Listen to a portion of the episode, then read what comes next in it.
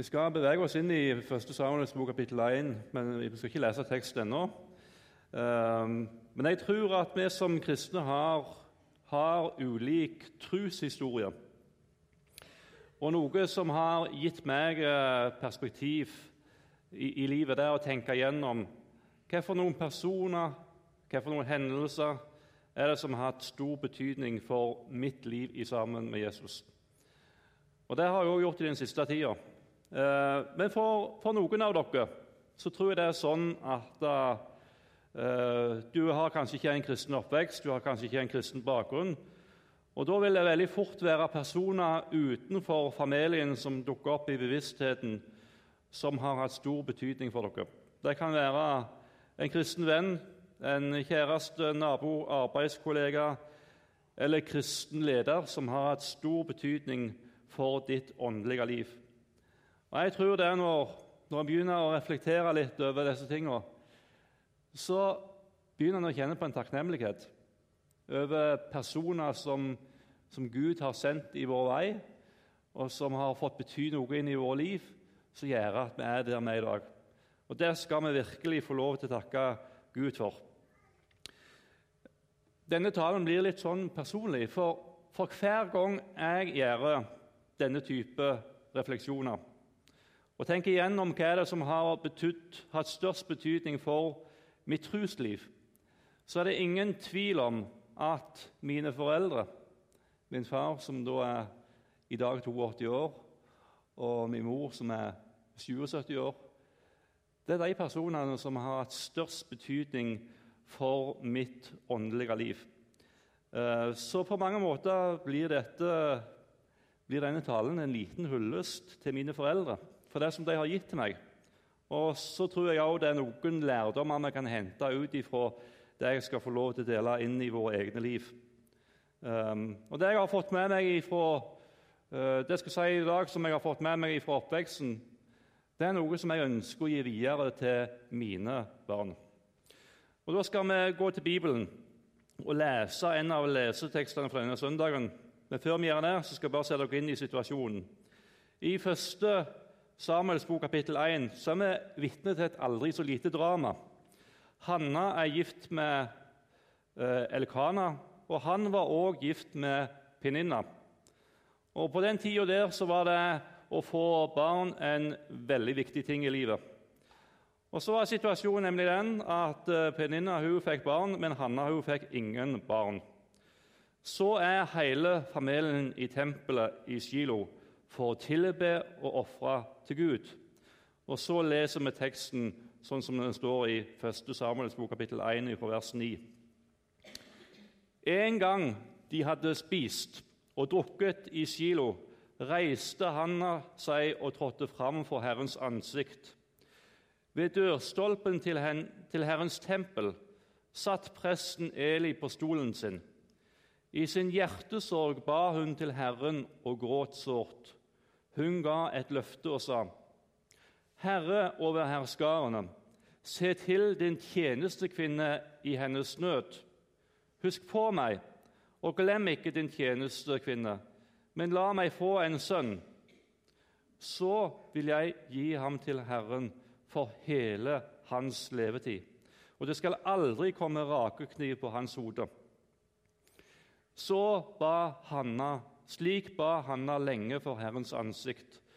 Og Eli fulgte munnen hennes med øynene, for Anna ba stille i sitt hjerte. Bare leppene hennes rørte seg, men stemmen hørtes ikke.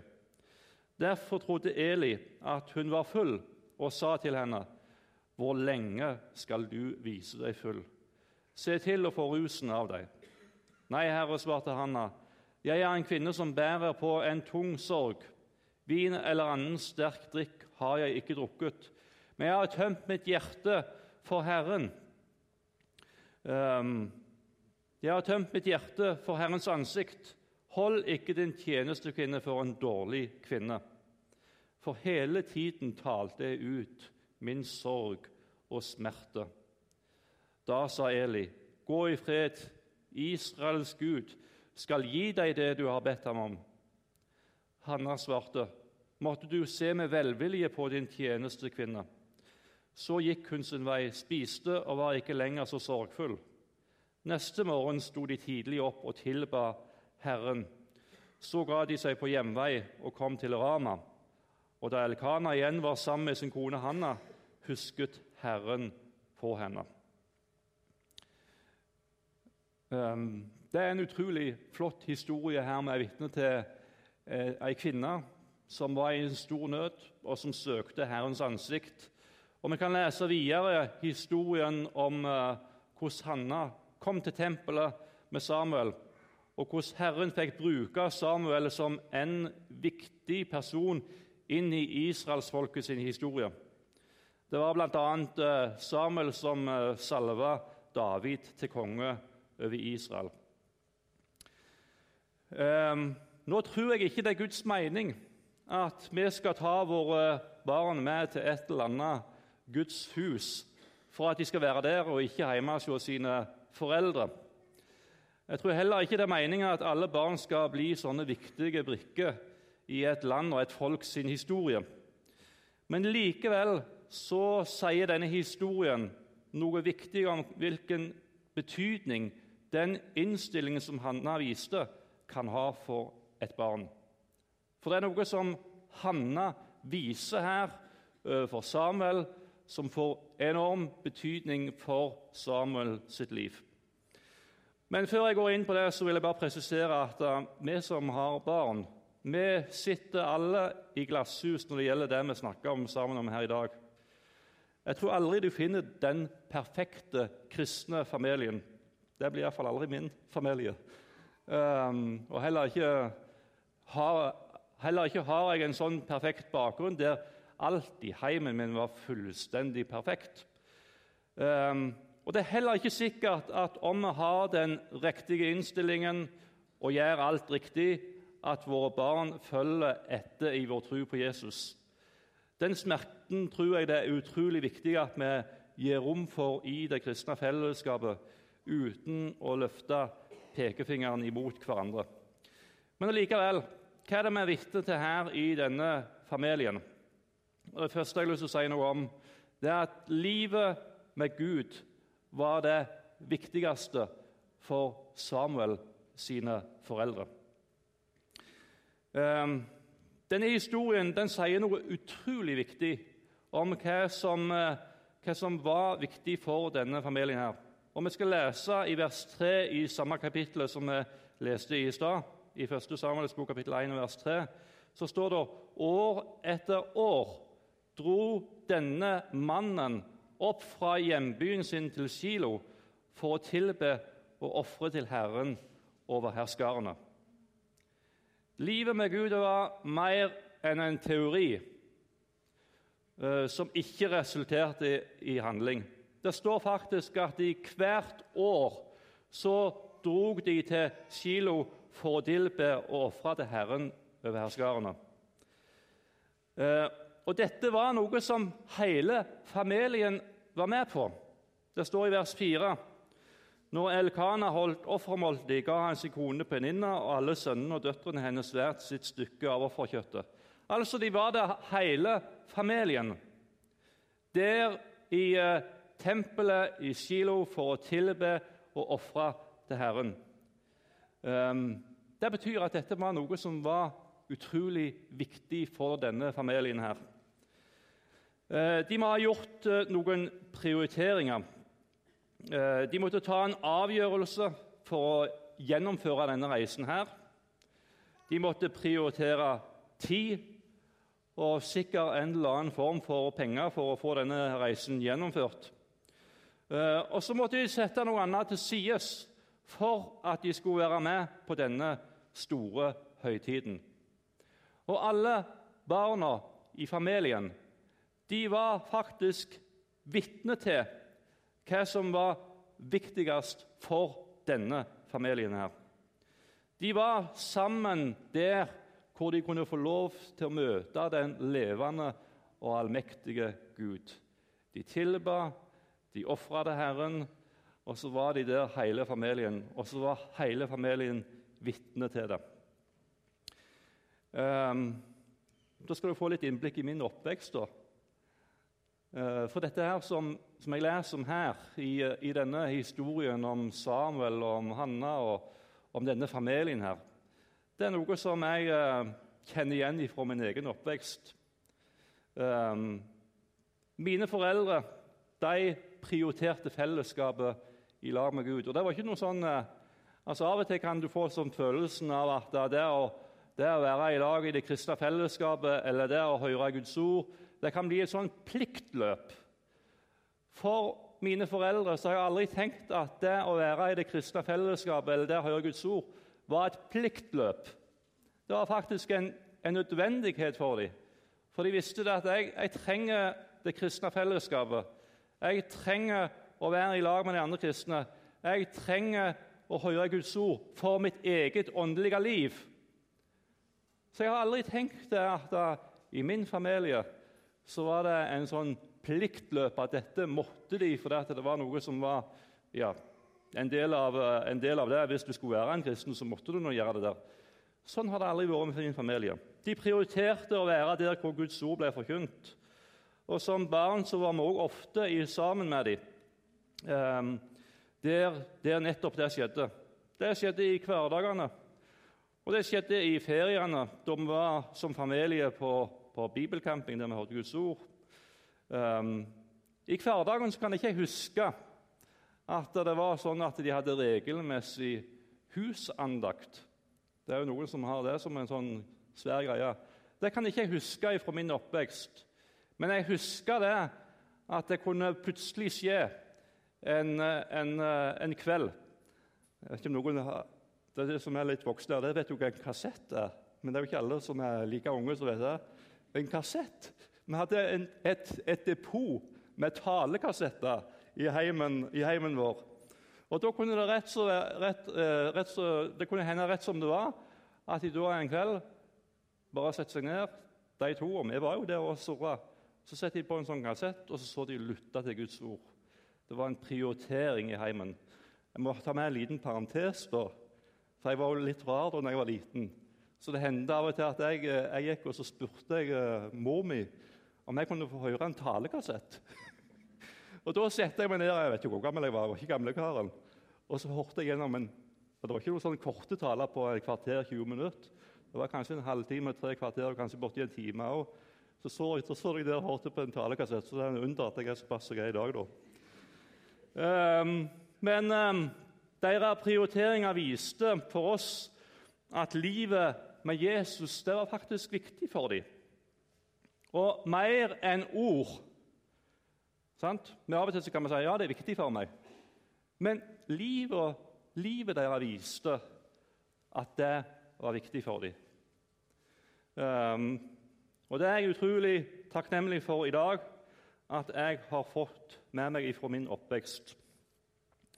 Jeg tror at vi kan ha ulike prioriteringer som en kristen familie, men jeg er helt overbevist om at livet i sammen med Jesus det må få noen konkrete uttrykk, uten at det fører til tvang eller traumer for våre barn. Og Her trenger vi mye visdom fra Gud til å lede våre barn på en god måte. Um, jeg tror Jeg tror Eh, at våre barn de vil merke om eh, det vi gjør, er noe som er påtatt, eller om det virkelig er noe som er, er, er et liv som lever på innsida. Hvis det er sånn påtatt at vi liksom klistrer noe utpå, at vi skal gjøre en hel masse ting, så tror jeg at barna våre merker det. Jeg merker det iallfall fra min oppvekst, fra min heim, at det å være i lag i det kristne fellesskapet og det, være, det å lytte til Guds ord det var ikke noe påtatt ytre greie. Det var liv for dem. Og Det husker jeg fra min oppvekst. Det andre jeg har lyst til å si noe om, det er at Hanna hun levde i en relasjon til den levende Gud. Eh, på den tida som, eh, som jeg leser fra her, så var det et enormt stort nederlag i livet å ikke få barn. Og I den situasjonen der så står det at Hanna på eget initiativ gikk inn i tempelet og søkte Gud for den vanskelige situasjonen som hun var kommet opp i. Da står jo her fra vers 11, som vi leste, Herre over herskarene, se til din tjenestekvinne i hennes nød. Husk på meg, og glem ikke din tjenestekvinne, men la meg få en sønn. Og Går vi litt senere ut i kapittelet, så ser vi tydelig at hun òg takker Gud for eh, at han kom med sitt svar eh, på de bønnene som hun ba her i tempelet. Hvis vi går til kapittel 2, i vers 1-3, så står det at etter at hun har fått sønnen og har vært inn i tempelet og, og levert han ifra seg til Eli, så står det Hanna ba og sa:" Mitt hjerte fryder seg i Herren. Herren gir meg stor kraft. Jeg ler av mine fiender, for jeg gleder meg over din frelse. Ingen er hellig som Herren, for ingen er til uten du. Det er ingen klippe som vår Gud. Snakk ikke med så store og stolte ord. La ikke frekt snakk gå ut av munnen, for Herren er en Gud som allting vet. Han prøver hver gjerning. Hva er det vi vet her? Jo, vi er vitne til at, at Hanna hun levde i en relasjon til den levende Gud. En tillit til han over alt annet. Og så syns jeg det er noe sånn, det er noe sånn lystbetont over det jeg leser her. En tillit til Herren. Herren, Mitt hjerte fryder i Herren. Herren gir meg stor kraft. Ingen er hellig som Herren. Um, Gud er en som allting vet. Han prøver hver sin gjerning. Det er en tillit til den Gud som, som troner i himmelen. Um, livet var med livet med Han prega hennes innstilling og hennes liv her nede på jorda. Litt ifra, igjen fra min oppvekst. Det er ikke alltid jeg husker at min mor og far sa så veldig mye. Men vi merka at de levde i sammen med Jesus. Det var ingenting som betydde mer for dem enn å leve i fellesskap med Jesus. Og I ettertid så har jeg fått, fått eh, Det var ikke alltid jeg, jeg, I ettertid så har jeg hørt at de har hatt mange tøffe runder i livet. Det fortalte de aldri gjennom oppveksten om disse tøffe rundene. Men så har de fortalt i ettertid om disse tøffe rundene, og hvordan, Gud, hvordan de fikk lov til å søke Gud i de vanskelige situasjonene, og hvordan Gud var der og styrka dem i det. Og Jeg har bare lyst til å dra fram en, en liten historie fra min oppvekst. som jeg, jeg har jo minnet etter det. For det var noe som prega hele familien. Og det var uh, når søstera mi var seks år gammel, så fikk hun, fikk hun kreft. Um, og det var av en uh, krefttype som var uhelbredelig. Um, og så var de jo inne, på, i Oslo på, på, Jeg husker ikke hva slags sykehus, men det var et sykehus der inne i Oslo. Så var de der, og samtidig som uh, søstera mi var inne der til, til, behandling, så sprakk magesekken til far min. Uh, så da gikk jo mor mi mellom to avdelinger på sykehuset. Og så sier de at det var en utrolig tøff tid. Um, så sitter de og så forteller om disse historiene, om livet deres i lag med Gud, om hvordan de fikk søke Gud oppi det, og hvordan de opplevde at Herren var nær.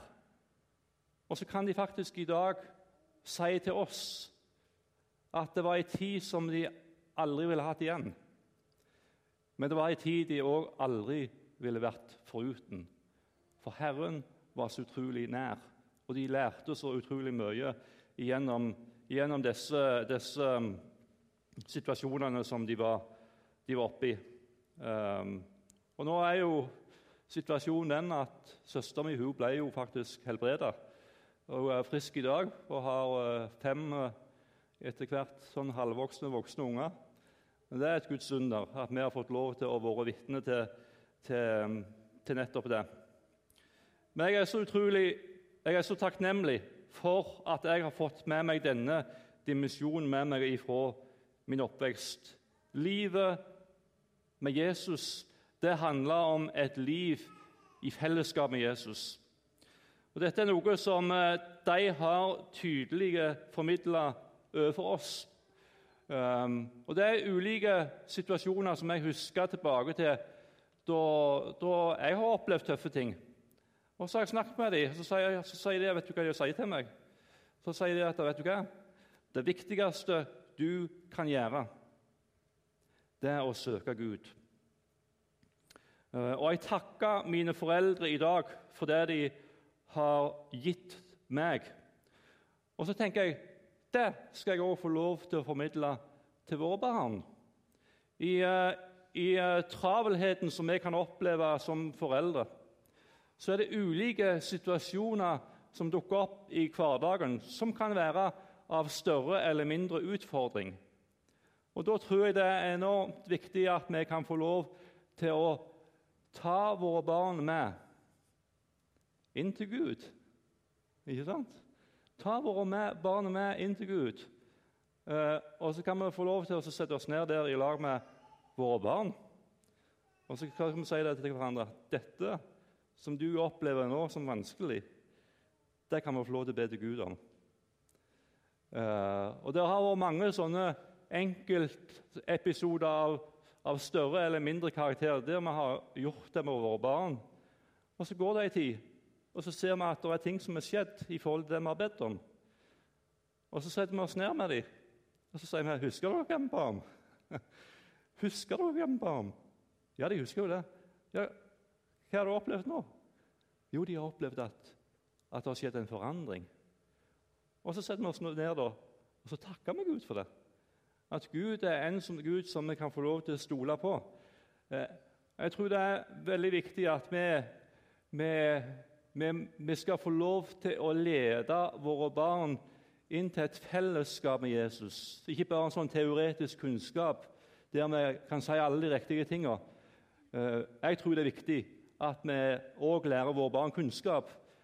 Men jeg tror det viktigste vi kan lære våre barn, det er faktisk at vi lærer dem at livet med Jesus det handler om å leve en, i en relasjon til han. Hanna, det neste jeg har lyst til å si noe om, det er at Hanna ga barnet sitt til Herren.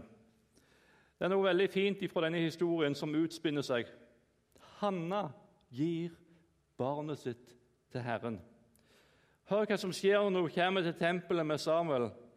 Eh, Hanna sier til presten Eli i 1. Samuels bok kapittel 1 fra 26.: Tru meg, Herre, sa hun, så sant du lever, Herre. Jeg er den kvinnen som sto her uh, hos deg og ba til Herren. Denne gutten var det jeg ba om, og Herren har gitt meg det jeg ba ham om. Nå vil jeg gi ham tilbake til Herren for hele hans levetid. Han skal tilhøre Herren. Det viktigste av alt det var at Samuel skulle tilhøre Herren hele hans levetid. Og Så kan vi jo stille spørsmålet inn i, inn i våre familier. Hva er, det, hva er, det, viktigste for oss som foreldre, for våre barn? Um, og Nå har jeg lyst til å bare dra dere inn i uh, et annet element som jeg har med meg fra min oppvekst. At det har aldri vært noen tvil om at det største ønsket som mine foreldre hadde for oss barn, og for barnebarna etter hvert, det er at vi skal tilhøre Herren hele vår levetid. Og jeg vet Jeg har sittet uh, så mange ganger og bedt i lag med mine foreldre. Og så merker jeg at det er, sånn, det er et sånn bankende hjerte. Jeg vet ikke om du forstår hva jeg snakker om. Det er et sånn bankende hjerte. Ikke noen sånn tvangsgreier, men et sånn bankende hjerte av omsorg og av kjærlighet til alle barna og til alle barnebarna om at de skal tilhøre Herren hele vår levetid. Um, at, vi, at, vi, skulle være gode samfunnsborgere, Det har vært viktig for, for mine foreldre. Og at vi skulle gjøre skolearbeidet skikkelig, har også vært viktig ut ifra de forutsetningene som vi hadde. Men det har aldri i vår heim vært noe press om karrierejag eller at en skulle ta seg den eller den utdannelsen, sånn at en kan få seg den og den stillingen. Og det har aldri vært snakk om det. Vet du hva, Jeg er så glad for det. Jeg er så utrolig glad for at det jaget har aldri vært til stede i min oppvekst. Men jeg er utrolig glad for mine foreldre sitt bankende hjerte. For meg og for kona mi og for ungene mine. Og så vet jeg de har akkurat det samme hjertet for alle mine andre fem søsken med deres familie. Så står jeg egentlig i dag med en sånn takknemlighet til dem for at uh, de har fått lov til gitt disse tingene inn i, uh, i, uh, i, mitt eget liv. Um, som jeg er, utrolig, jeg er utrolig takknemlig for det, hva jeg har fått med meg fra min oppvekst.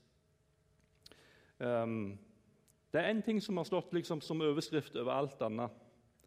Lev livet deres i sammen med Jesus.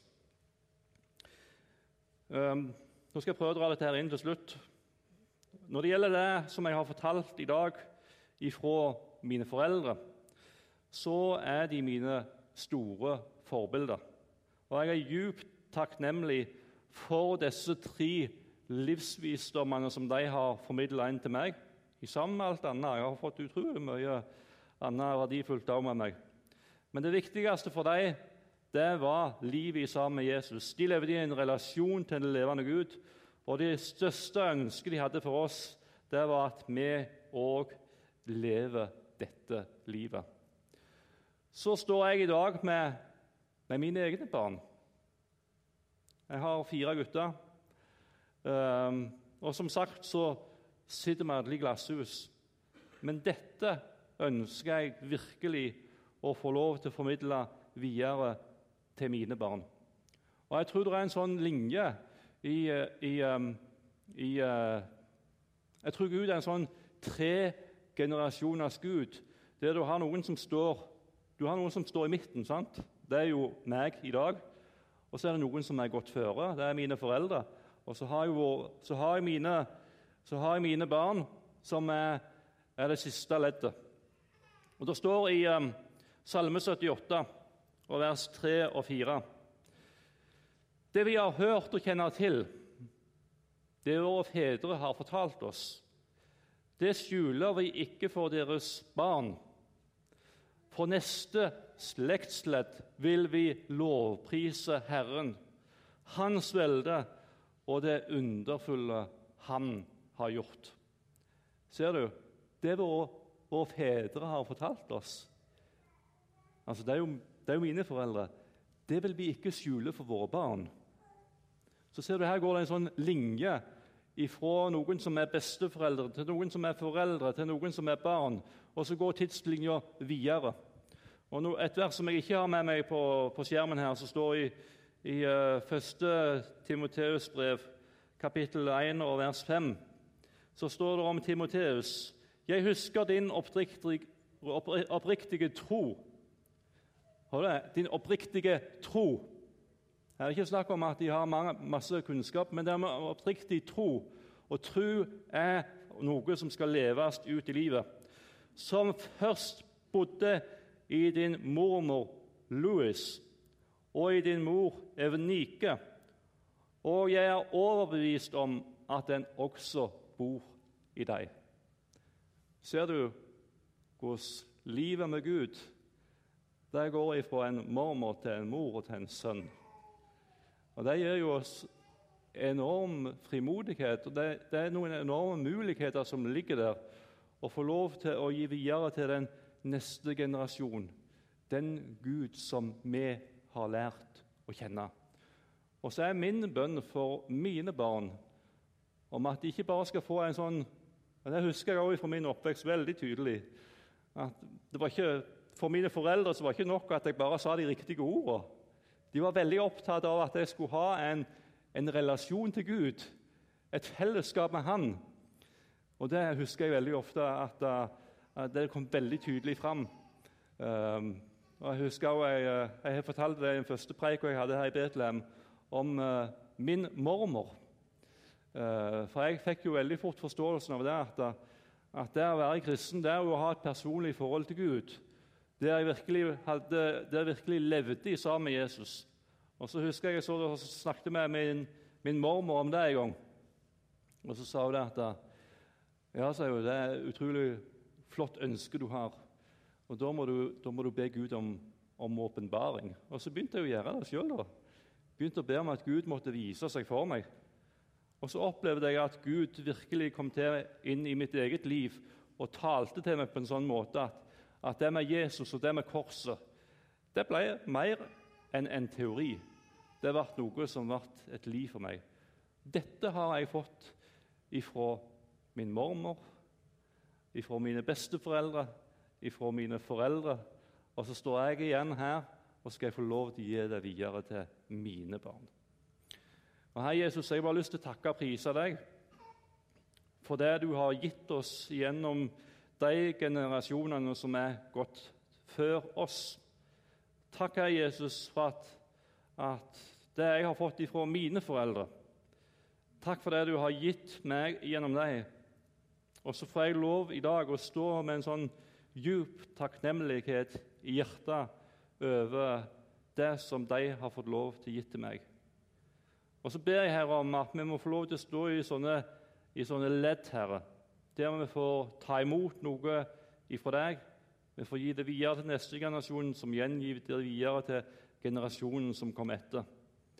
Herre Jesus, det ber jeg deg om. Og så ber jeg om at livet med deg, Herre, det må være mer enn en tom teori, men at noe som lever på innsiden, noe som pulserer der, og som preger livet vårt, og som er lystbetont, og som ikke er tvangs, eh, noe tvangsgreier, men at det er noe som er der for at livet med deg, her, det er det viktigste av alt. Og jeg er så takknemlig, Jesus, for det som jeg har fått, fått ifra deg. Takk, Herre.